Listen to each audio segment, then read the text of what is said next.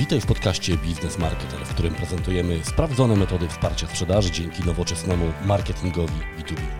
W tym odcinku nagranie webinaru Generowanie leadów z wykorzystaniem content marketingu. Zapraszam serdecznie, Łukasz Kosuniak. Moi drodzy, to ja i mój prawdziwy głos, troszeczkę nadwyrężony delikatnym przeziębieniem, Dlatego, aby nie męczyć Was tą barwą, przygotowałem nagranie webinaru, który czeka już od kilkunastu tygodni na swoją premierę w podcaście i dziś wykorzystałem okazję, aby przedstawić Wam webinar, w tym, tym razem już w wersji audio, generowanie leadów z wykorzystaniem treści w B2B. Zaczynamy nasz webinar na temat content marketingu w generowaniu leadów B2B. Dzisiejszy webinar jest podzielony na e, cztery części. W pierwszej powiemy sobie dlaczego, szczególnie w tych czasach specyficznych bardzo, y, myślenie profesjonalne o content marketingu y, ma bardzo duże znaczenie z punktu widzenia biznesu B2B.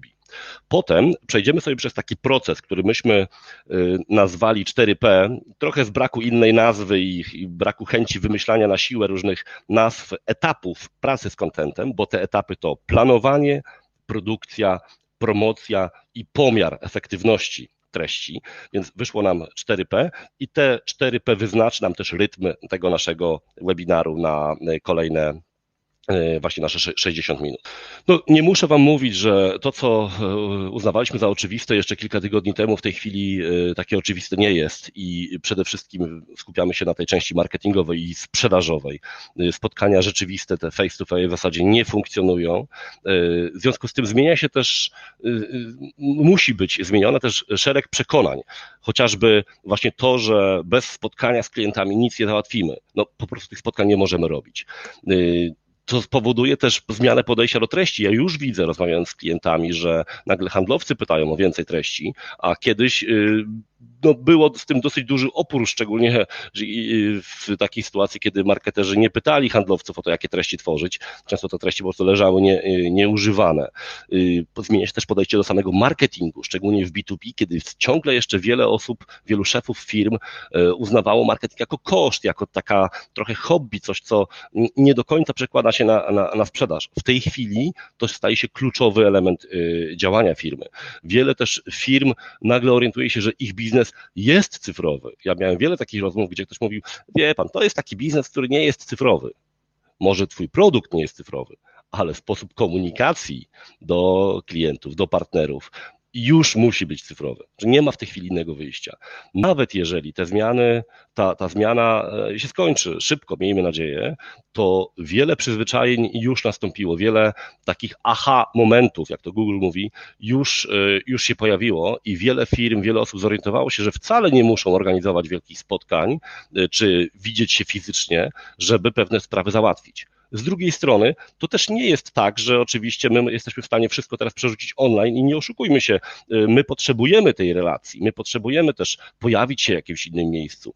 Y, dlaczego konferencje czy targi y, często cieszyły się takim, takim powodzeniem? Bo to była też czasem forma jakiejś rozrywki, wyjazdu, networkingu, incentywu, jeżeli to było w fajnym miejscu i tego spotkania online nie zastąpią, ale ponieważ nie mamy tej możliwości w tej chwili, to musimy znaleźć sposób na to, żeby ten biznes funkcjonował funkcjonował w, z wykorzystaniem kanałów cyfrowych i tutaj dosyć dobrze sprawdza się mądre podejście do treści.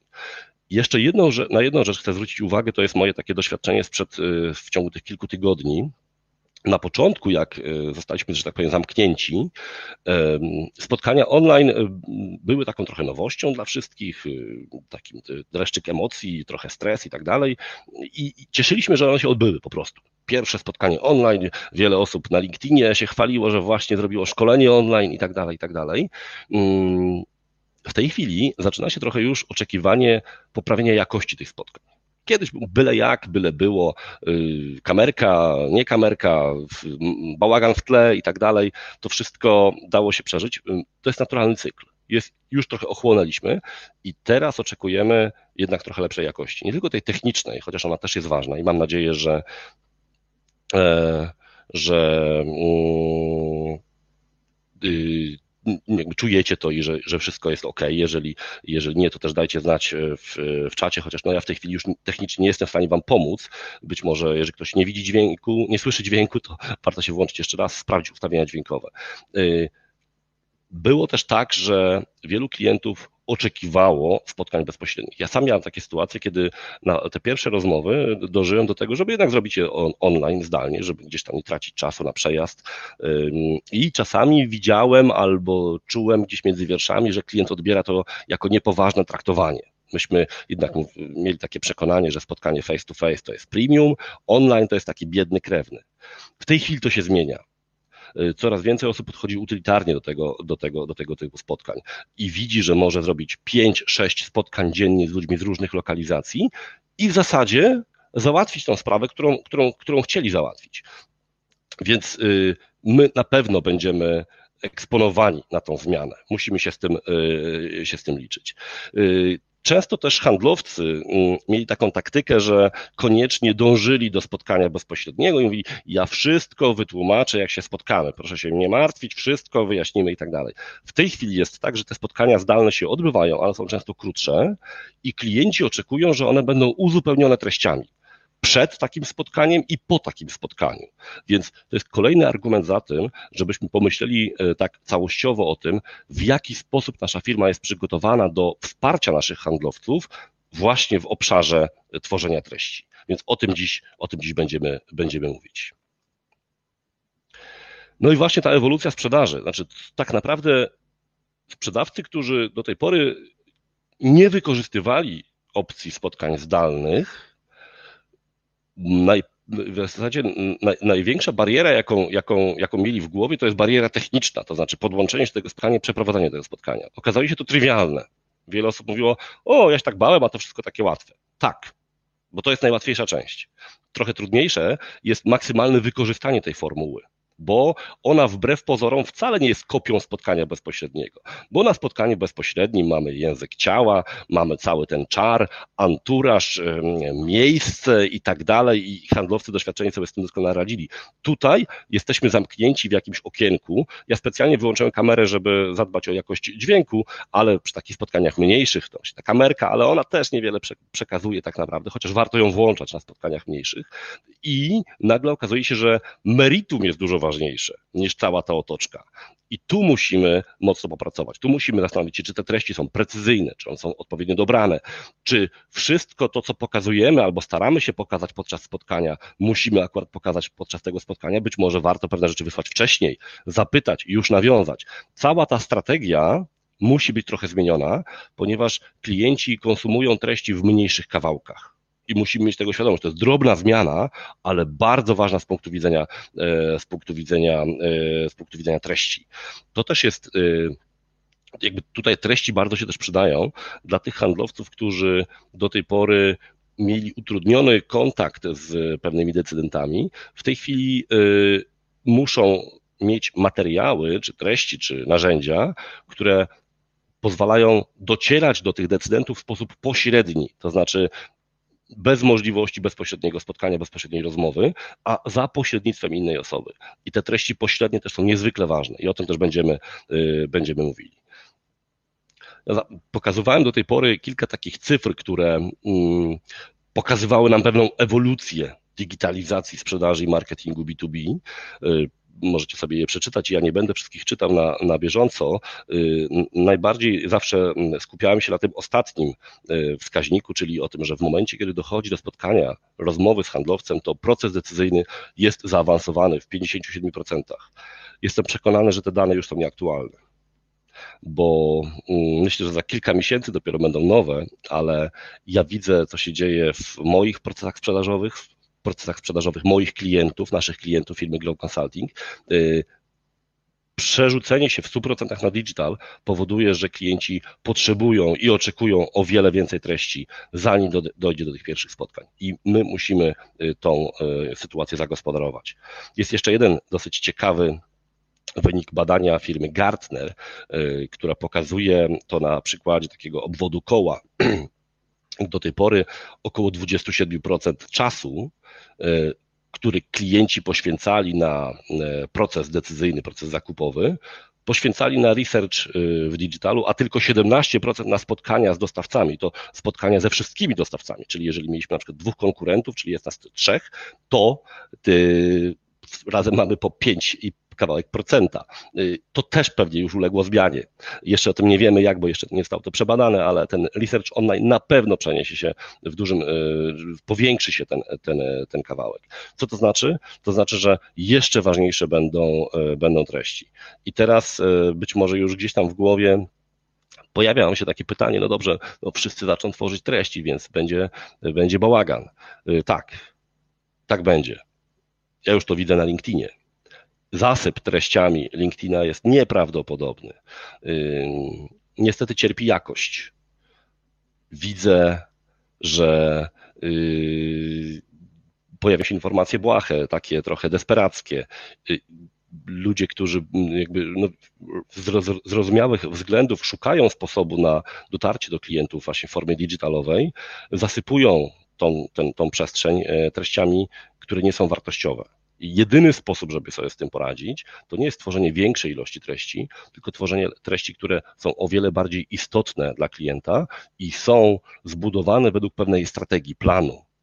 Czyli y, zakładają, że klient po jednym kontakcie jeszcze nie podejmie decyzji. To jest prawda. W B2B badania mówią o tym, że czasem kilkanaście tych punktów kontaktu musi być, zanim klient y, zauważy komunikat i podejmie jakąś, jakieś działanie. To niekoniecznie działanie na zasadzie rozmowy z handlowcem, ale działanie na zasadzie zapisania się na webinar chociażby. Więc pamiętajcie, moi drodzy, y, strategia treści to nie jest tworzenie większej ilości treści, tylko pomyślenie o tym, w jakim stopniu lepiej odpowiadać na potrzeby klientów. Ja postaram się kilka tych metod Wam tutaj pokazać. Jest jeszcze jeden element, o którym e, mówię e, coraz częściej, bo klienci e, klienci mówią, że to nawet fajnie, że ten digital tak się rozwija, to będziemy mogli trochę zaoszczędzić. To nie jest prawda. Content marketing to nie jest sposób na zaoszczędzenie. Content marketing jest drogi, bo on nie jest metodą oszczędnościową. To jest sposób na generowanie lidów. To jest y, mechanizm pozyskiwania y, najpierw relacji z klientem, a potem jego zainteresowania, edukacji, kwalifikacji i tak dalej, żeby proces sprzedażowy był efektywniejszy, ale nie tańszy. My chcemy mieć więcej informacji, y, więcej potencjalnych klientów, a nie mniejsze koszty. Moi drodzy, widzę, y, kilka osób informuje mnie, że brakuje dźwięku. Y, czy ktoś y, w tej chwili może potwierdzić, że mnie słyszy? Chcę się po prostu upewnić, że problem nie jest po mojej stronie, dobrze? A okej, okay. Wie, wiele osób mnie słyszy. Być może coś na łączach. Przepraszam Was, tych, którzy, którzy nie słyszycie wiem, że tego nie widzicie, napiszę tylko na czacie, że e, spotkanie będzie nagrywane. Spotkanie jest nagrywane.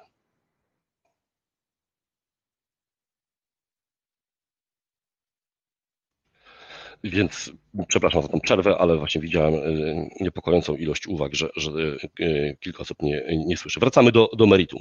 Więc content marketing to nie jest sposób na ograniczenie kosztów. Jeżeli rozmawiacie, będziecie rozmawiali ze swoimi szefami, to nie posługujcie się tym argumentem, proszę, bo to nie o to chodzi. Tu chodzi o usprawnienie procesu sprzedaży, o pozyskanie większej ilości dobrej jakości lidów. I to jest, e, e, i to jest e, kluczowa informacja. Jeżeli pójdziecie w narrację, ograniczamy koszty, to to się skończy tak, że będziecie robili to między innymi zadaniami.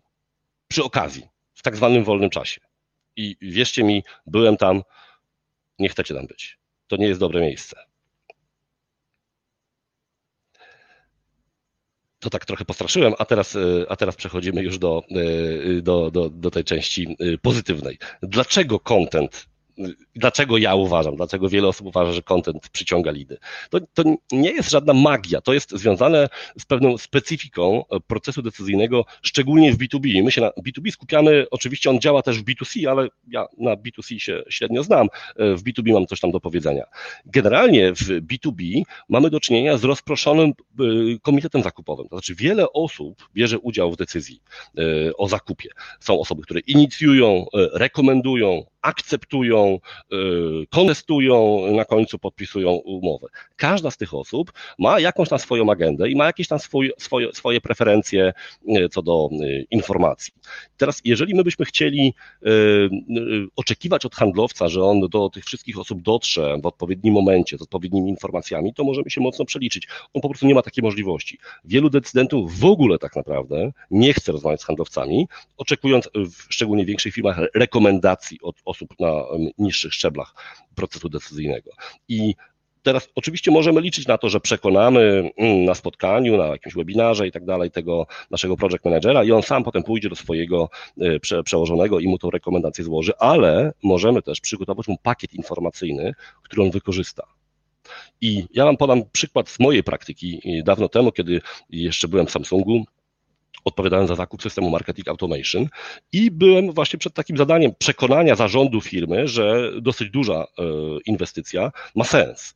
E, co się okazało? Jeden z dostawców tego typu systemów miał przygotowany szablon tak zwanego business case'u, czyli takiej prezentacji, która uzasadniała tą inwestycję. Oczywiście tam nie było moich danych, ale tam była struktura, tam były e, perspektywy tych osób, tam były informacje, na czym się skupić i to mi zaoszczędziło kilka tygodni pracy, bo to była dosyć duża prezentacja dla dosyć dużego grona.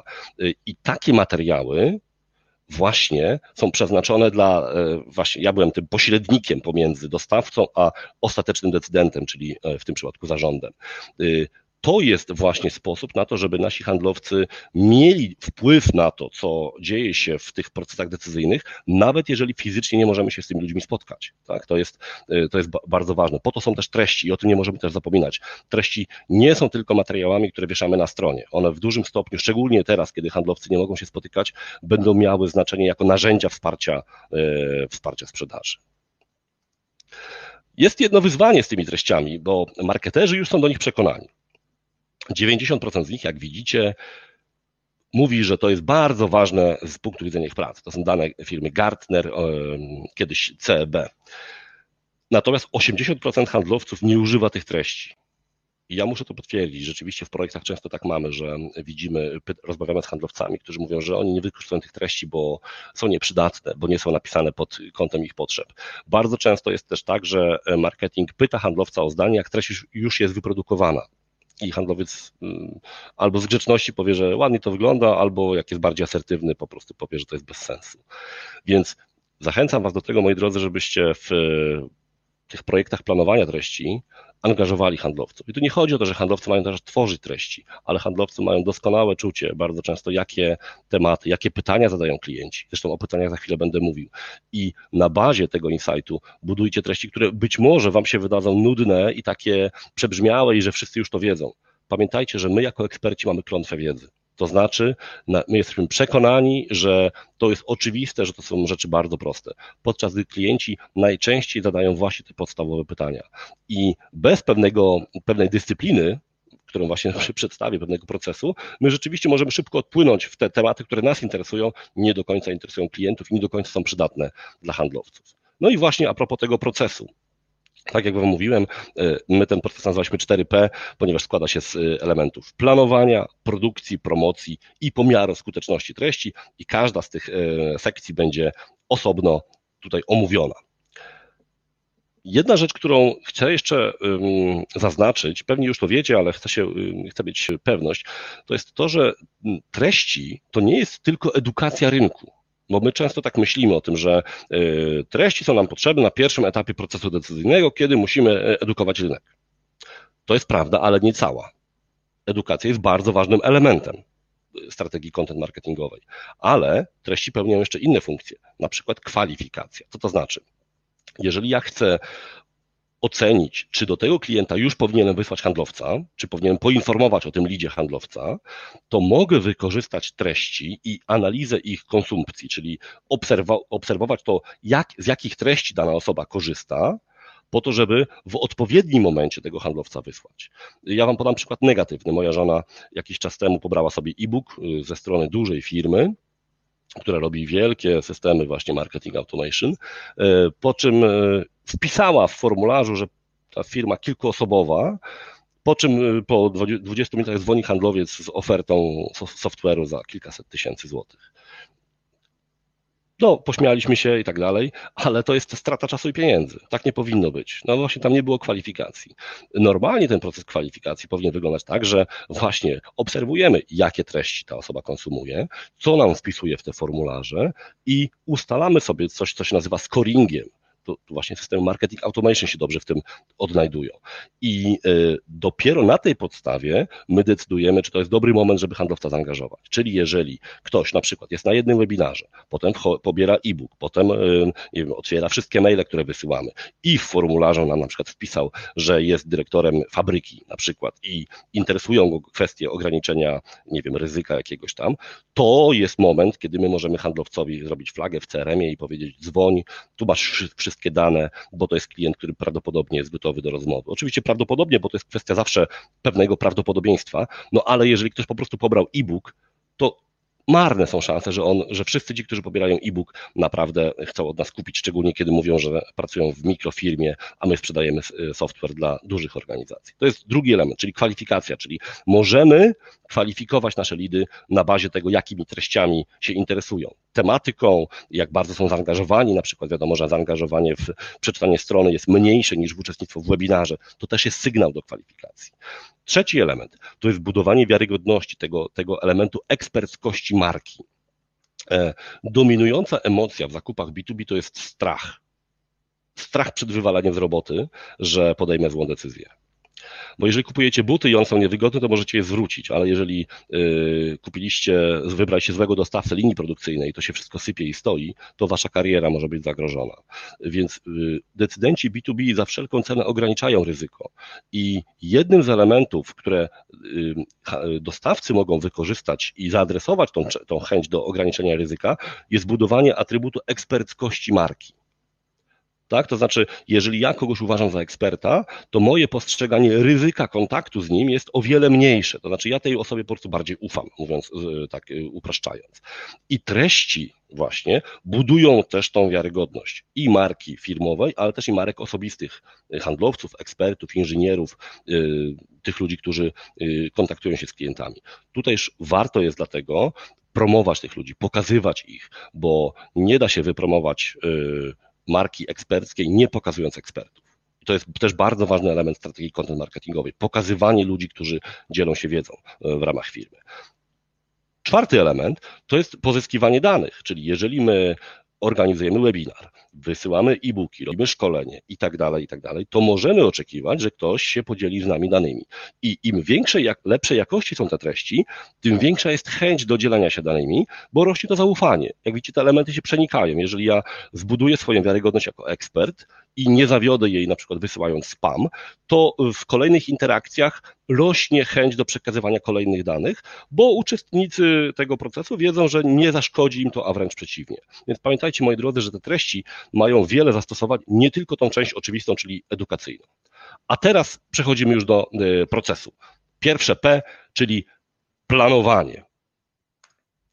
Zacznijmy od tego, o czym, co pisać, y, jak tworzyć treści. Bardzo często problemem jest to, że marketerzy, nawet sprzedawcy, wymyślają problemy klientów. Jak sobie spojrzycie na takie sekcje pytań i odpowiedzi Y, na wielu stronach dostawców, to tam widzicie, że te pytania zostały tak zadane, żeby udzielić odpowiedzi produktowej. Tak? Na zasadzie dziękuję za to pytanie. Tak? Y, I mm, to są pytania wymyślone, to są pytania sztuczne. Y, pytania, które wręcz wskazują na jakąś, jakąś tam przewagę konkurencyjną tego produktu. I ja rozumiem, że może być taka potrzeba, żeby o tym opowiedzieć, ale jeżeli my stosujemy tą strategię do tworzenia treści, to tworzymy treści, które są dla nas przyjemne i fajne, ale nie dla klientów te treści, które klientom będą pomagały i będą dla nich przydatne, to są treści, które pomogą im przejść przez proces decyzyjny. Bo chciałem jeszcze podkreślić jedną rzecz, że w content marketingu nie chodzi o to, żeby powiedzieć wszystko, co wiemy. No, to nawet fizycznie nie, nie jest możliwe. Chodzi o to, żeby dostarczać klientom informacji, których oni potrzebują, żeby mądrze podejmować decyzje, żeby y, aktywować ten proces decyzyjny, żeby przechodzić na kolejne etapy procesu decyzyjnego. I oczywiście każdy z tych procesów jest, y, jest inny. Na tym slajdzie widzicie jakiś tam przykład takiego, takich etapów, tak? Budowanie świadomości, żeby, świadomość problemu, y, poszukiwanie rozwiązań i tak dalej. Na każdym z tych etapów osoby, które biorą udział w tym procesie, mają pewne zadania do spełnienia. Sami je sobie tworzą, albo ktoś im te, te zadania y, tworzy, i naszym zadaniem, znowu jako dostawcy, jest ułatwienie tej osobie realizacji tego zadania. Wrócę do mojego przykładu. Moim zadaniem było przekonanie zarządu, że inwestycja w marketing automation w Samsungu ma sens. I teraz materiał, który dostałem, treść, którą otrzymałem, to był właśnie szablon takiej prezentacji. On nie był nastawiony na przekonanie mnie, że to jest super pomysł, żeby kupić marketing automation. Nie, moje zadanie było inne. Ja już byłem przekonany. Ja teraz miałem przekonać zarząd. I teraz ta firma dobrze zrozumiała, dobrze odkodowała te zadania i stworzyła treści, które były bardzo przydatne. No, skończyło się tak, że, e, że myśmy od tej firmy kupili y, na końcu. Ale to nie był jedyny argument. Natomiast gdyby nie y, ta pomoc, to być może nie przeszedłbym przez to spotkanie z zarządem, być może zabrakłoby mi argumentów i nikt by nie sprzedał. Więc y, myśląc o temacie treści, o tym, jak ułożyć treści, pamiętajcie o tym, że treści powinny pokrywać właśnie te zadania osób, które przechodzą przez proces decyzyjny bo często jest tak, że ci klienci nas challenge'ują, rozpytują i tak dalej, a potem sami są gdzieś tam, że tak powiem, czesani przez swoich e, przełożonych. Im lepiej my im pomożemy, im skuteczniejsi będziemy w, w pomocy im, tym większa jest szansa, że przejdziemy dalej. To jest jeden z e, takich, jedna z perspektyw siłą rzeczy nie będę wchodził w szczegóły, bo to jest taki webinar przeglądowy, ale podeślę Wam potem, potem materiały, gdzie trochę szerzej o tym wszystkim y, mówimy. Dwie metody, które chciałem Wam pokazać y, na początek budowania strategii treści. Pierwsza w zasadzie dla każdej firmy, nawet dla jednoosobowej. Ona jest opisana w książce Markusa Sheridana, They Ask You Answer. Chyba nie ma jej po polsku, ale ona jest w bardzo prostym angielskim napisana, więc y, zachęcam. Y, Markus Sheridan to był producent basenów kąpielowych w Stanach Zjednoczonych. w 2008 roku był kryzys w Stanach. Zresztą jak widzicie, podobna sytuacja w tej chwili. Y, no i jego biznes stanął zupełnie, więc ktoś mu doradził, żeby, ponieważ on zbierał pytania klientów y, po to, żeby trenować swoich handlowców, żeby on na te pytania odpowiadał i publikował to na swojej stronie. W kilka miesięcy zbudował kompedium wiedzy na temat budowy basenów. E, okazuje się, że nawet w kryzysie była jakaś ilość klientów, która szukała tych informacji, a ponieważ Markusa odpowiedzi były istotne, one były w punkt, ponieważ po prostu były odpowiedziami na prawdziwe pytania, a nie na wydumane pytania, y, to okazało się, że ten biznes mu zaczął rosnąć. I on chciał ten biznes sprzedać za jakieś grosze, potem ten biznes i tak sprzedał, ale już nie za grosze, tylko za y, miliony dolarów. O w tej chwili, jak się pewnie spodziewacie, jest konsultantem, prowadzi y, czy współprowadzi bardzo fajną y, agencję marketingu B2B Impact w Stanach Zjednoczonych. Do, dalej bardzo dużo inwestują w treści, różne formaty, możecie go śledzić też na LinkedInie, bardzo ciekawy człowiek. Więc y, to, do czego ja Was zachęcam, jeżeli dopiero zaczynacie e, budowanie strategii marketingu B2B, to koniecznie porozmawiajcie z handlowcami, z obsługującymi infolinię, z inżynierami, z tymi wszystkimi, którzy spotykają się z klientami albo mają do czynienia z ich pytaniami, żeby te pytania zbierać, agregować i na nie odpowiadać. I oczywiście zorientujecie się, że te pytania się powtarzają i one są często trywialne. Ile to kosztuje? Dlaczego tak drogo? I tak dalej, i tak dalej. Ale to są prawdziwe pytania i przynajmniej próbujcie na nie odpowiedzieć. Oczywiście nie zawsze możecie odpowiedzieć na pytanie, dlaczego tak drogo albo ile to kosztuje, ale możecie pokazać, od czego zależy cena produktu czy usługi i jak ją ewentualnie zoptymalizować. I to już jest część odpowiedzi na pytanie. I to już jest coś, co jest wartościowe dla klienta. Y, drugi, druga wartość takiego podejścia to jest pozycjonowanie. W B2B, gdzie mamy niszowe często produkty, ilość zapytań do wyszukiwarki, do wyszukiwarek jest stosunkowo niska i agencje SEO mają problem, żeby dobrze dobrać frazy kluczowe. Często jest tak, że te, wybieramy te frazy oczywiste, ale klienci używają innego języka. Ja znowu Wam podam przykład mój z Samsunga, kiedy myśmy się pozycjonowali na słowa digital signage, czyli taką kategorię profesjonalnych monitorów wielkoformatowych. Myśmy tego słowa używali, nasi konkurenci używali, tylko problem był taki, że klienci tego słowa nie znali, nie używali. A w badaniach potem, w pytaniach wyszło nam, że klienci mówią monitory reklamowe, telebimy, telewizory reklamowe. Oczywiście, można powiedzieć, błędna nazwa, ale to była nazwa, której używali klienci. I dopiero jak się zaczęliśmy pozycjonować na te frazy, to okazało się, że tam jest jakiś ruch, że e, klienci przychodzą, są zainteresowani i tak dalej. Więc nawet z tego powodu warto się tą książką zainteresować i tą metodą, e, tą metodę e, poznać.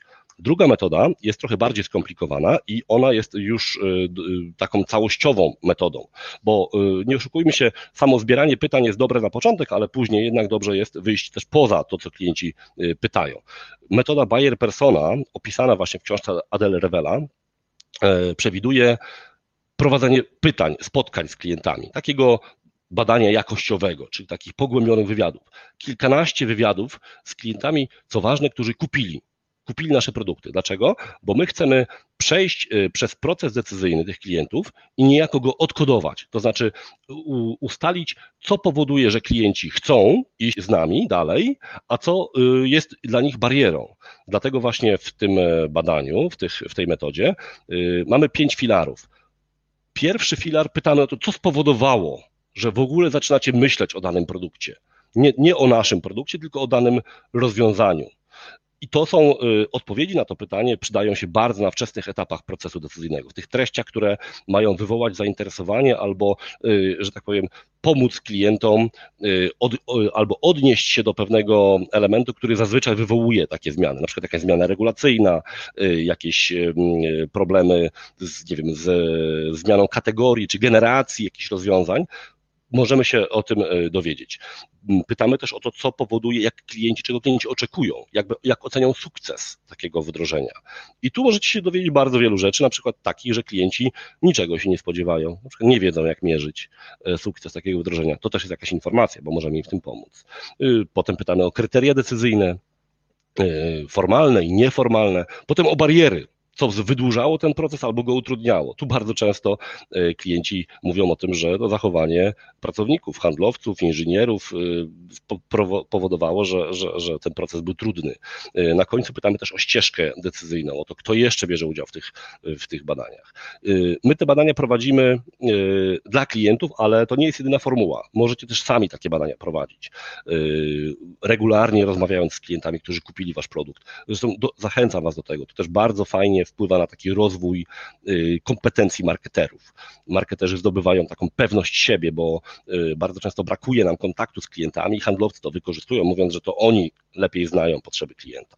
Y, regularnie prowadząc takie rozmowy, marketerzy nabierają takiego czucia rynku i to jest bardzo cenna kompetencja. Nawet jeżeli robicie takie spotkania, nie wiem, raz na miesiąc czy dwa razy w miesiącu, to po kilku miesiącach już będziecie mieli te kilkanaście rozmów za sobą, które są wystarczające, żeby jakieś wnioski wyciągnąć. Właśnie w tej książce Adele Revela jest cały zestaw y, metod i porad, które, y, które warto stosować w tych badaniach.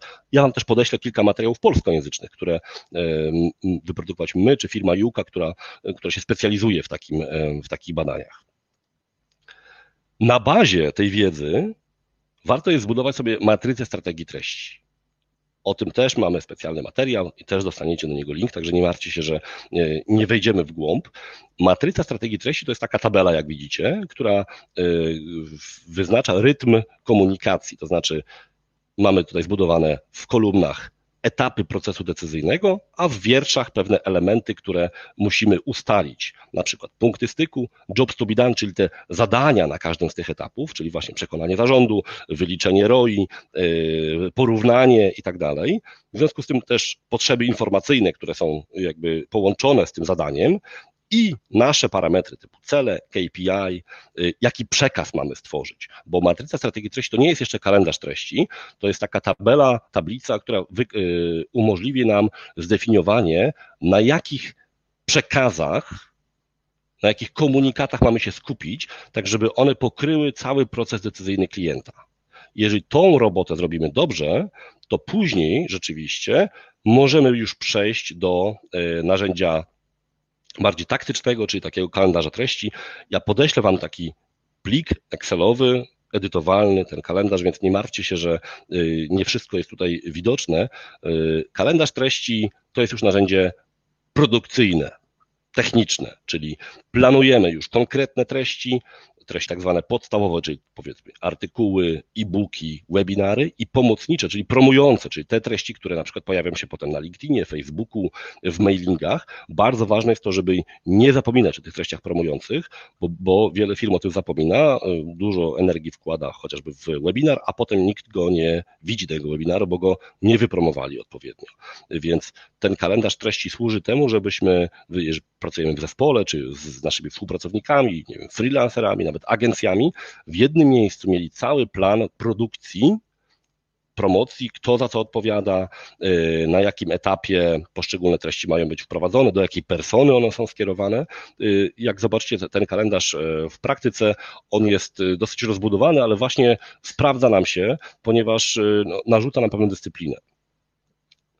Tych kalendarzy treści znajdziecie w internecie wiele. Wcale nie, nie twierdzę, że nasz jest najlepszy, ale jest, że tak powiem, przez nas sprawdzony w, w, w, boju, więc mogę e, mówić, że mogę go polecać, mówiąc krótko. Natomiast jeżeli uznacie, że jakiś inny kalendarz jest dla Was bardziej e, właściwy, to oczywiście e, tutaj możecie sobie skorzystać. Wiele firm takie szablony generuje, udostępnia. Kalendarz treści to już był element właśnie procesu produkcji, czyli przeszliśmy płynnie do tego drugiego etapu, czyli samej produkcji, wytwarzania e, treści. Zacznijmy od tego, co często jest e, takim przedmiotem pytań, nie tylko do mnie, ale w ogóle dyskusji. Czy produkcję treści zlecać na zewnątrz, czy wewnątrz? Moja odpowiedź jest taka, że trzeba znaleźć złoty środek. Co to znaczy? To znaczy, że nie polecam e, zlecania freelancerom, mm, content managerom, copywriterom tworzenia treści dla nas na bazie jakichś materiałów, które my prze, przedstawiamy. W większości przypadków to się źle kończy. Nie mówię, że zawsze, bo to jest kwestia też wiedzy tej osoby i tak dalej, ale w wielu przypadkach te treści po prostu są miałkie, nie są oparte o pewną wiedzę o potrzebach klienta, słabo to potem wygląda. Yy, z drugiej strony, ja sobie zdaję sprawę z tego, że wielu ekspertów, handlowców po prostu nie ma czasu na tworzenie tych treści. Dlatego ja jestem yy, orędownikiem prowadzenia webinariów, przez handlowców czy ekspertów. Oczywiście to nie jest jedyna formuła, ale y, dwa słowa na temat y, skuteczności webinarów. Pierwsza rzecz jest taka, że jak widzicie, webinar jest dosyć intensywną formą, jeśli chodzi o treści. Są slajdy, jest y, wypowiedź prowadzącego. Drugi element jest taki, że wiele firm B2B zatrudnia handlowców, którzy i tak prowadzą albo prowadzili prezentacje do tej pory, więc dla nich to nie jest jakieś wielkie wyzwanie żeby poprowadzić webinar. Oczywiście trzeba przygotować pewne rzeczy technicznie i y, też taki webinar o webinarach y, prowadziliśmy. Podeślę Wam też nagranie do tego, do te, link do tego nagrania. Będzie też kolejny, w kolejnym webinarze na żywo taki temat omawiany, ale technicznie to jest temat dosyć prosty. Jeżeli handlowiec prowadził dobre prezentacje, dobre szkolenia i one były wysoko oceniane, to zazwyczaj będzie też prowadził dobre, dobre webinary. Na tej bazie już można dokonywać reformatowania, czyli zamienić webinar na oczywiste nagranie, pociąć nagranie na e, części, zrobić transkrypcję i redakcję tego tekstu i teraz o wiele lepiej poradzi sobie zewnętrzna agencja z transkrypcją i redakcją na bazie dużego tekstu, gdzie jest masa kontekstu, tak, czyli wiadomo o co chodzi, niż na bazie jakiegoś krótkiego materiału, jakiejś wrzutki, yy, którą trzeba rozwinąć i dołożyć tam yy, treści i często te treści są po prostu puste, więc ta metoda działa dużo lepiej i ona też jest sprawdzona przez nas w praktyce. Webinar godzinny, tak dla Waszej orientacji, to jest około 40 do 50 tysięcy znaków. Oczywiście to jest słowo mówione, więc ono się nie nadaje do czytania wprost, ale można dokonać redakcji, pocięcia na kawałki i wtedy już mamy dużo lepszą treść i, du, i tą częścią może już zająć się e, w dobrze zbriefowany copywriter chociażby, czyli, czyli agencja zewnętrzna. E, na tej bazie możemy stworzyć też różnego rodzaju infografiki i tak dalej. Tymi treściami można grać wielokrotnie. Więc to jest metoda, e, jeżeli ktoś ma możliwość tworzenia webinarów, to jest to bardzo skuteczna metoda na tworzenie potem dodatkowych formatów treści. Inną metodą, którą trenowaliśmy jest zrobienie wywiadu. Często jest tak, że eksperci się wstydzą kamery, po prostu źle wypadają. Nie chcą tego robić, wymyślają różne wymówki. E, jeżeli mamy możliwość skorzystania ze wsparcia osoby, która ma doświadczenia dziennikarskie i e, potrafi prowadzić wywiad, to spróbujcie takiej metody nagrania wywiadu na dyktafon. Nawet nie chodzi o to, żeby on był potem publikowany jako to nagranie, ale żeby to była baza do tekstu. I wtedy właśnie osoba, czyli copywriter, który ma takie doświadczenie, umiejętność prowadzenia wywiadu, doskonale sobie poradzi z tymi, z tymi tekstami. Oczywiście wiadomo, że trzeba je potem zweryfikować, czy tam nie ma żadnych przekłamań, ale tu już to ryzyko jest mniejsze. Więc to są takie dwie metody, które myśmy sprawdzili w praktyce i, i rekomendujemy też naszym klientom. Mamy też taką, taką checklistę, takie trzy punkty, e, kryteria, które stosujemy, żeby zweryfikować, czy treści, które klienci tworzą albo zamierzają tworzyć, będą działały, czyli taki zestaw pytań, które zadajemy. Pierwsza grupa pytań to jest pytanie, do kogo jest ta treść skierowana, kto jest personą zakupową w tym przypadku. I też możecie sobie sami takie, taką, taką, taki, taki, takie, taką checklistę zrobić. Jeżeli odpowiedź na pytanie jest wszyscy decydenci, to to nie jest dobra odpowiedź. No można powiedzieć, no ale są takie tematy, które interesują wszystkich. Yy, tak, to jest prawda. Z tym, że pamiętajcie o tym, że my będziemy produkowali treści, które mają zainteresować kogoś, kto na przykład przewija sobie LinkedIna. I im bardziej precyzyjna będzie ta treść, tym większa jest szansa, że on się zatrzyma i ją przeczyta. Czyli zamiast na przykład pisać, nie wiem, y, cztery powody, dla których warto wybrać coś tam, albo warto zrobić coś tam, to może lepiej napisać cztery powody, dla których dyrektor finansowy powinien się zainteresować czymś tam, prawda? I wtedy to jest dużo bardziej perswazyjny e, komunikat. Jeżeli mamy taki tekst ogólny, to może da się z niego zrobić y, trzy czy cztery teksty dla poszczególnych decydentów. Ja wiem, że to jest więcej pracy, ale na końcu walczymy o to, żeby y, do tych ludzi dotrzeć, a nie po to, żeby ograniczać koszty. Pamiętacie, jak mówiłem, że content marketing nie jest metodą ograniczania kosztów? No właśnie dlatego, że czasami trzeba się więcej napracować po to, żeby lepiej dotrzeć do danego klienta, bo jeżeli my tworzymy te treści tanie i takie ogólne, to troszkę się oszukujemy. To znaczy będziemy przegrywali, bo konkurencja treściowa będzie coraz, coraz większa. Czyli pierwszy, pierwsze pytanie, czy wiemy, do kogo to jest skierowane? Drugie pytanie, na jakim etapie ścieżki decyzyjnej, czyli procesu decyzyjnego, ta treść może być przydatna. Czy to jest bardziej budowanie świadomości, czy to jest poszukiwanie rozwiązań, czy to jest porównywanie dostawców, czy to są negocjacje, czy to jest być może element pozakupowy, kiedy chcemy maksymalnie wykorzystać to, co już kupiliśmy. I teraz, jeżeli znowu odpowiedź jest taka, że w zasadzie to na wszystkich, albo na trzech z pięciu, to to też nie jest dobra odpowiedź. To warto ten e, materiał pociąć na kawałki albo oskubać z tych y, elementów, które naszym zdaniem nie są y, krytyczne i skupić się na konkretnym etapie. Bo znowu to będzie ułatwiało nam e, pozyskanie uwagi tego klienta, ale też od strony analitycznej będzie nam dawało lepszą informację, że jeżeli ktoś czyta ten materiał, to znaczy, że on prawdopodobnie jest właśnie na etapie wyboru rozwiązania i już świadomość ma zbudowaną. I znowu e, podam przykład z mojego doświadczenia. Y, firmy, które gdzieś tam do mnie sprzedawały różne rozwiązania. Y, w momencie, kiedy ja sobie pobierałem różne materiały, e-booki, czytałem, edukowałem się samodzielnie, byłem obsługiwany automatycznie. W momencie, kiedy y, w którymś momencie zapytałem, czy pobrałem już taki bardzo specjalistyczny materiał integracji jakichś tam dwóch narzędzi, dwóch rozwiązań, nagle zaczęły dzwonić telefony. Dlaczego? Bo fakt, mojego zainteresowania tym konkretnym materiałem i poprzednia historia kontaktów, która była gdzieś tam od, odłożona w ich systemach marketing automation, spowodował, że y, tam się pojawił alert. Ten człowiek prawdopodobnie nie jest już y, osobą, która się po prostu edukuje, on pewnie jest w procesie decyzyjnym, bo pyta o rzeczy, o które zazwyczaj pyta się, jeżeli się jest w procesie decyzyjnym na pewnym etapie. Czyli im bardziej precyzyjne będziemy mieli treści, jeśli chodzi o proces decyzyjny, tym łatwiej nam będzie wprowadzić potem ten cały scoring i automatyzację e, marketingu i dzięki temu lepiej generować lidy, bardziej precyzyjnie, a nie dzwonić po każdym pobraniu e, e-booka. I trzeci element to jest nasza specjalizacja, nasza nisza informacyjna, jak to czasami się mówi. Czy ta treść y, jest dobrana w taki sposób, że udowadnia naszą ekspertkę w jakimś obszarze? Y, tutaj warto jest zastanowić się nad tym, z jakim zagadnieniem my chcemy być kojarzeni jako eksperci, bo oczywiście nie możecie być kojarzeni ze wszystkimi możliwymi problemami klientów, jakie rozwiązujecie. Ekonomicznie tego nie da się zrobić, ale możecie sobie zdefiniować na przykład, że chcecie być ekspertami od, tak jak na przykład my próbujemy, od marketing automation i jeżeli ja tworzę jakieś e, treści, to też zastanawiam się nad tym, czy to wzmacnia moją widoczność jako eksperta w obszarze marketing automation. Jeżeli nie, jeżeli to nie ma nic wspólnego z marketing automation, odpuszczam sobie tworzenie takiej treści, bo nie chcę się rozpraszać, bo wiem, mam ograniczoną ilość czasu i pieniędzy, żeby tworzyć treści, więc skupiam się na tych elementach, w których chcę być pozycjonowany jako ekspert. Także też warto, żebyście się zastanowili, w jakich obszarach istotnych z punktu widzenia klienta wy chcecie być pozycjonowani jako ekspert i w ten sposób też filtrować treści, które produkujecie. Widzicie, te kryteria powodują, że my być może tworzymy mniej ogólne treści, a bardziej specyficzne, a czasami po prostu pewne rzeczy nie robimy, żeby się skupić na tych, które są istotne.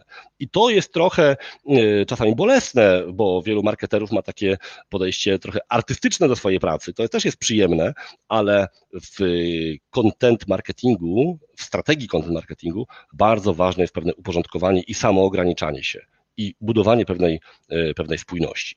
Więc to jeśli chodzi o e, takie dobre praktyki związane z produkcją treści. Teraz przejdźmy do trzeciego modułu, czyli promocja tych treści.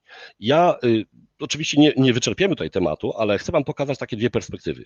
Promocja e, długofalowa, tak, związana z pozycjonowaniem treści firmy i taka promocja aktywna, często bardziej krótkoterminowa. Co mam na myśli długofalowa? Y, Im więcej tworzymy treści, jeżeli one są spójne i wartościowe, tym bardziej pomagamy w pozycjonowaniu nas jako dostawcy wartościowych treści. Jeżeli korzystacie z pomocy agencji SEO, to też się na pewno z tego faktu y, ucieszą. Więc warto jest myśleć o tym, żeby te treści były spójne, żeby się właśnie toczyły wokół konkretnych tematów, zagadnień, fraz, tak? Chociaż Google y, odchodzi trochę od takiej koncepcji fraz kluczowych i bardziej mówi o tak zwanych topics, tak? czyli tematach, czyli zawłaszcz temat, pozycjonuj swoje treści wokół pewnego tematu, pewnego zagadnienia, czyli to, o czym Wam e, przed chwilą mówiłem. E, jeżeli tworzycie treści, regularnie, to powstaje taki efekt kuli śnieżnej. To znaczy, możecie często sięgnąć już do jakiegoś fragmentu wytworzonej treści, przeformatować go, wykorzystać jeszcze raz, zaktualizować i tak dalej. To znaczy, że im więcej, im dłużej tworzycie treści, tym mniejszy macie średni koszt wytworzenia kolejnego elementu treści. To jest bardzo e, ważne pod kątem chociażby budżetu na produkcję versus promocję treści. Firmy, które dopiero zaczynają content marketing, taki e, powiedzmy ułożony, powinny sobie założyć taką, jeżeli nie mają innego benchmarku, taki podział 50-50, to znaczy połowa budżetu i czasu na produkcję treści, połowa na ich promocję. Bardzo często my nie doceniamy tego faktu i potem okazuje się, że mamy fajne materiały, których nikt nie czyta. Ja to widziałem, sam że takie błędy popełniałem dosyć często. Więc warto jest sobie założyć taki podział. Z biegiem czasu ponieważ będziecie coraz bardziej sprawni w produkcji treści, y, koszt i czasowy, i finansowy na wyprodukowanie jednego elementu średnio Wam trochę spadnie, dlatego ta proporcja powinna się przesunąć w stronę właśnie 40 do 60, czyli 40 produkcja treści, 60 promocja treści. Duże brandy wydają jeszcze, y, mają jeszcze bardziej przesuniętą, często to jest tak, że promocja zajmuje około 80%, y, produkcja y, mniej, ale to jest związane też z optymalizacją, z produkowaniem treści na wiele rynków i tak dalej, i tak dalej. Więc dla początkujących pół na pół, dla bardziej zaawansowanych być może już bardziej w stronę 40 produkcja, 60 y, promocja, ale to już będziecie wiedzieli po y, obserwacji tego, jakie treści y, Wam się sprawdzają. Oczywiście ta aktywna, taka taktyczna promocja jest związana chociażby z tym, że my powinniśmy każdą z naszych treści podstawowych promować chociażby w mediach społecznościowych. Jeżeli mamy listę mailingową, to również warto właśnie wykorzystać newsletter handlowcy są doskonałym nośnikiem promocji treści, tylko pamiętajcie o jednej rzeczy, te treści muszą być istotne z ich punktu widzenia również. Oni nie będą tracili czasu na jakieś miałkie treści o byle czym, mówiąc brzydko, bo y, oni mają, y, nie mogą zasypywać klienta spamem, bo w końcu klient zacznie, przestanie odpowiadać na te pytania. Dla y, marketera to, że tam 3% ludzi się wypisze z listy mailingowej nie jest dobrą wiadomością, ale nie jest też tra tragedią, ale jeżeli handlowcowi klienci zaczną odpisywać nie pisz mi już więcej, bo cię wypiszę z mojej listy, no to to jest duży problem, prawda? Więc pamiętajcie, żeby handlowców nie zasypywać dużymi ilościami treści, tylko naprawdę precyzyjnie je dobierać. Chcę Wam pokazać jeszcze ten podział na treści pomocnicze i podstawowe. On jest dosyć prosty, ale czasami umyka. Treści podstawowe są te treści, które my chcemy klientom, tak powiem, przedstawić przez oczy. Zazwyczaj są dłuższe, bardziej rozbudowane. To są na przykład artykuły, e-booki, webinary, jakieś nagrania, szkolenia i tak. Te treści chcemy promować, bo one będą potem konwertować do, y, do, do leadów.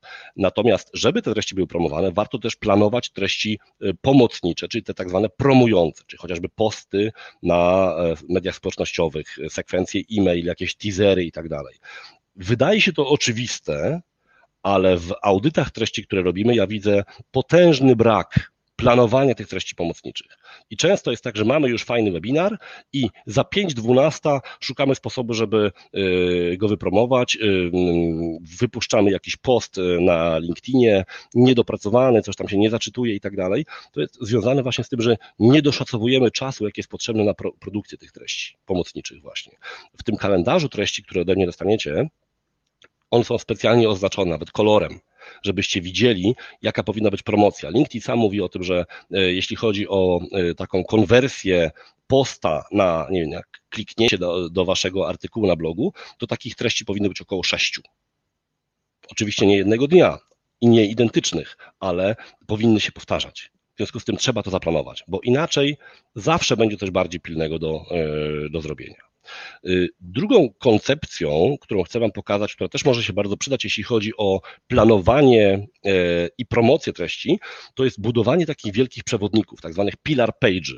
Jak sobie wpiszecie pillar page w Google, to wyskoczy Wam kilka ciekawych przykładów. Ja też Wam podeślę takie linki. Pillar page to jest strona przewodnik, strona, która wyczerpuje jakiś temat, albo przynajmniej próbuje go dosyć dobrze opisać. Na przykład wszystko na temat marketing automation. Na naszej stronie e, Grow Consulting, Grow Grow, International znajdziecie taką sekcję w bazie wiedzy. Marketing Automation. I to jest strona, która już ma w tej chwili jakieś 40 tysięcy znaków, będzie się rozwijała i ciągle się rozwija.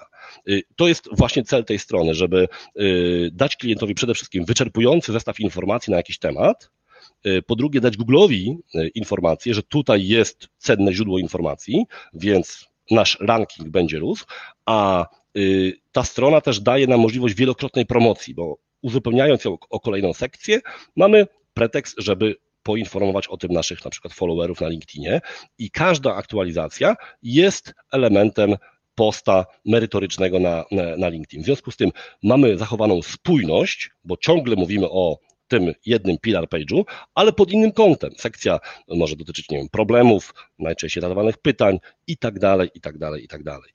Znowu z braku czasu nie wchodzimy w szczegóły, ja chyba zrobię webinar tylko na temat tego, tej koncepcji pillar pages, ale możecie sobie spokojnie doczytać na ten temat e, i zobaczyć przykłady, które też Wam, też wam podeślę.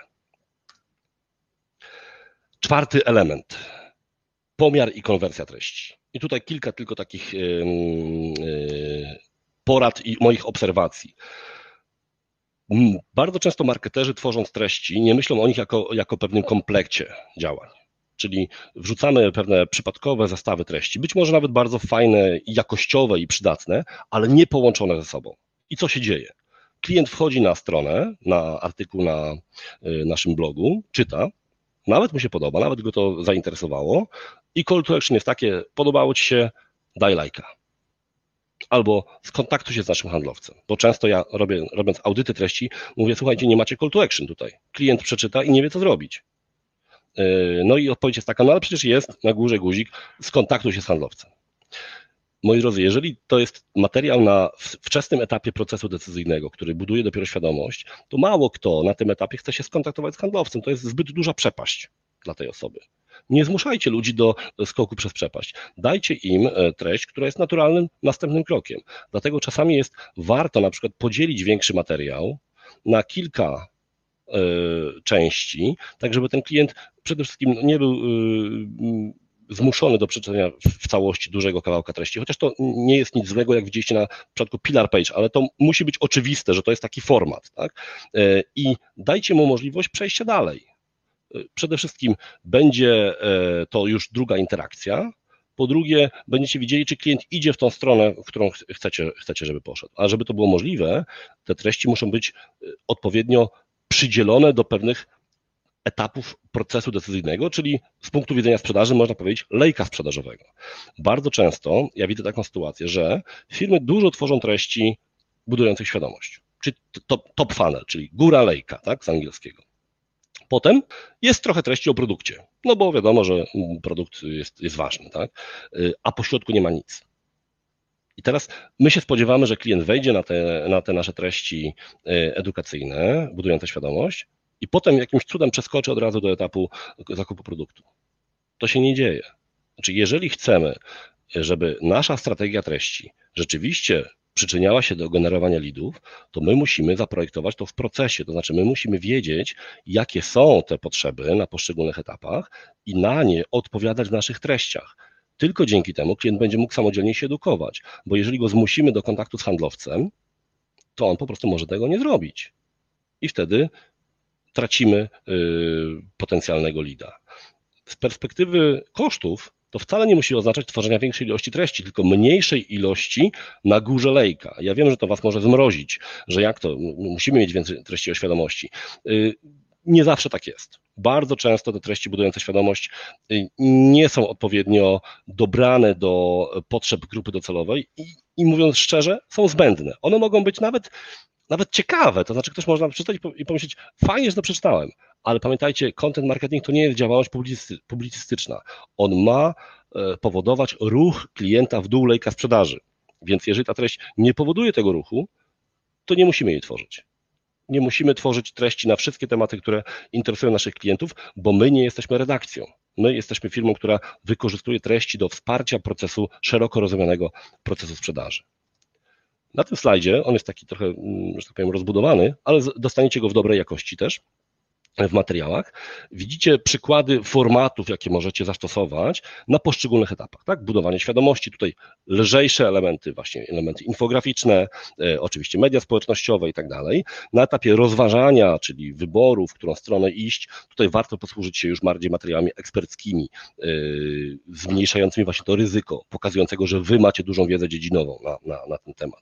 Wszelkiego rodzaju właśnie checklisty, materiały, które pozwala, wyzwalają w kliencie jakąś akcję, że sobie coś pobiorę, coś sobie sprawdzę, to naprawdę dobrze działa. Czasem nawet takie proste checklisty typu 10 e, rzeczy, które musisz zrobić zanim zaczniesz webinar, Y, robią furorę, a dzięki temu nasz handlowiec może potem zapytać, czy pan pobrał, czy to się podobało, czy się przydało i tak dalej, i tak dalej, i tak dalej. Na etapie generowania lidów, jak widzicie, y, y, chociażby webinary, one się bardzo dobrze sprawdzają, bo jeżeli już klient poświęci swoją godzinę na ten webinar i my jesteśmy dobrze przygotowani, no to jest duża szansa, że on się przekona, że warto z nami dalej rozmawiać. Wręcz możemy użyć pewnych elementów interakcyjnych, takich jak chociażby taka ankieta i zapytać, czy Was interesuje takie rozwiązanie. Po webinarze można zrobić follow-up i tak dalej. Ja będę robił follow-up, ale y, tutaj nie, to nie jest webinar sprzedażowy, także nie obawiajcie się. Y, chociaż będę Was zachęcał ewentualnie do kontaktu, ale bezpłatnego. O właśnie, może go włączymy, bo już, bo już, y, bo już tu kończymy. Słuchajcie, to jest taki guzik, który powinien się pojawić Wam na górze. Jeżeli chcecie umówić bezpłatną konsultację z obszaru strategii marketingu B2B, to e, widzicie taki przycisk umów konsultację, tam pojawi Wam się taki e, interfejs wyboru e, czasu. Możecie sobie umówić taką konsultację ze mną na 15 albo 30 minut. E, jeżeli macie taką potrzebę, to serdecznie Was do tego e, zachęcam. E, zachęcam też do zadawania pytań, moi drodzy, na czacie naszym, e, żebyśmy tą sesję pytań i odpowiedzi mogli już niedługo zacząć, bo ja dochodzę już do końca. Chciałem podsumować nasze spotkanie. E, siłą rzeczy, no tak trochę helikopter view zrobiliśmy sobie, ale to było takie założenie, żeby przekazać y, pewien ten proces w całości. Jeżeli będziecie zainteresowani, to, y, to pewnie takie szkolenia y, pojawią się. Znaczy, my już je prowadzimy w grupach zamkniętych, teraz będziemy też je przerzucali online dla grup, dla grup otwartych, więc gdybyście mieli taką potrzebę, to też możecie mi dać znać. Podsumujmy zatem to nasze spotkanie. E, warto jest myśleć o content marketingu jako elemencie strategii, strategii komunikacji. Dlaczego? Bo pojedyncze treści nie robią roboty, nie generują lidów. Mam nadzieję, że przekonałem Was do tego, że dopiero ułożenie treści w pewien cykl, który jest y, zintegrowany z procesem decyzyjnym klienta, a wcześniej no, rozpoznanie tego procesu, tych problemów, pytań, zadań, jakie klienci mają żeby przejść przez ten proces decyzyjny, ono powoduje, że my jesteśmy w stanie tworzyć treści, które są istotne i pomocne. I na tym się skupmy, na wsparciu klienta w przejściu na kolejny etap procesu decyzyjnego. Jeżeli wypełnimy ten proces decyzyjny naszymi treściami, to jest spora szansa na to, że klienci będą konsumować te treści i nie tylko się edukować, ale też i samokwalifikować, dzięki czemu my, chociażby z wykorzystaniem nawet najprostszych systemów marketing automation, będzie. Yy, będą e, mogli zdefiniować sobie warunki, kiedy ma nastąpić kontakt z handlowcem i wtedy te lidy będą lepszej jakości. Handlowcy będą, będą dostawali lidy o lepszej jakości, a klienci będą mniej zirytowani, że ktoś dzwoni z y, produktem niedobranym, niedobranym do potrzeb. Więc do tego Was zachęcam. Drugi element to jest zapanowanie nad produkcją treści, czyli matryca treści jako element budowania strategii i kalendarz treści jako element budowania no, egzekucji po prostu. Jakikolwiek kalendarz treści jest lepszy od żadnego kalendarza treści i pamiętajcie, że on jest po to, żeby trochę rzeczywiście nam nałożyć, że tak powiem, y, trochę bac na plecy nasze, jeżeli jesteśmy zbyt kreatywni, ale też po to, żebyśmy na przykład ocenili, ile czasu fizycznie zajmuje nam tworzenie tych treści, bo to wcale nie jest y, działalność prosta ani tania, ale bardzo efektywna sprzedażowo. Trzeci element promocja i tutaj warto pamiętać o tym, żeby y, odpowiednio zaalokować też czas i budżet na promocję. Nawet jeżeli nie mamy budżetu, to czas na tworzenie postów, na wysyłanie maili, na przypomnienia, na wielokrotne wysyłanie postów, na wykorzystanie tej koncepcji pillar page, żeby informować klienta o kolejnych, nie wiem, aktualizacjach, kolejnych sekcjach na naszej stronie, mm, bo najlepsza treść niewypromowana sama się nie wypromuje. To już nie są te czasy, kiedy klient nas sam znajdzie i, i, i, i, przeczyta nasz materiał. Ilość treści będzie rosła, więc dużo większą, e, dużo większy nacisk trzeba położyć na, E, na, na, promocję treści. Wreszcie na końcu pomiar skuteczności e, treści, czyli szukajmy, zdefiniujmy sobie od razu, jaki jest cel danej treści. Tak? W tej matryce będziecie mieli to e, napisane, że jeżeli nie wiem, budujemy świadomość, no to być może wystarczy nam ilość osób, która na przykład spędziła na danej stronie więcej niż nie wiem, dwie minuty, albo pobrała e-book z tej strony. Jeżeli to jest, jeżeli naszym celem jest konwersja na przykład na jakiś kwalifikowany lead, to być może celem treści będzie rejestracja na webinar, na którym będziemy już mogli więcej y, klientom pokazać, zapytać o coś i tak dalej. Warto jest do każdej treści ustawić sobie cel i ten tak zwany KPI, czyli jak ten cel mierzymy. Wtedy też będziemy mogli zaraportować, czy to ma sens. Nie, nie, tylko jakby chodzi o raportowanie do zarządu, ale też i sobie wewnętrznie, bo y, no, jeżeli coś nie jest mierzone, to y, można powiedzieć z punktu widzenia firmy się nie odbywa. I to też jest e, ten, e, ta lekcja, którą marketerzy powinni e, coraz częściej przechodzić. My musimy być odpowiedzialni za, za pomiar skuteczności treści. Nawet jeżeli ona jest niska, no to to jest informacja dla nas, że warto ją poprawić. Ale też precyzyjnie sobie dobrać cele do rodzaju treści, no bo jeżeli my chcemy budować na początku świadomość, to nie spodziewajmy się, że od razu z tego artykułu ktoś będzie nam wchodził na kontakt z handlowcem. Nie, jakby trzeba dobrać cele do specyfiki procesu decyzyjnego, do potrzeb w tym, w tym, procesie, w tym procesie decyzyjnym.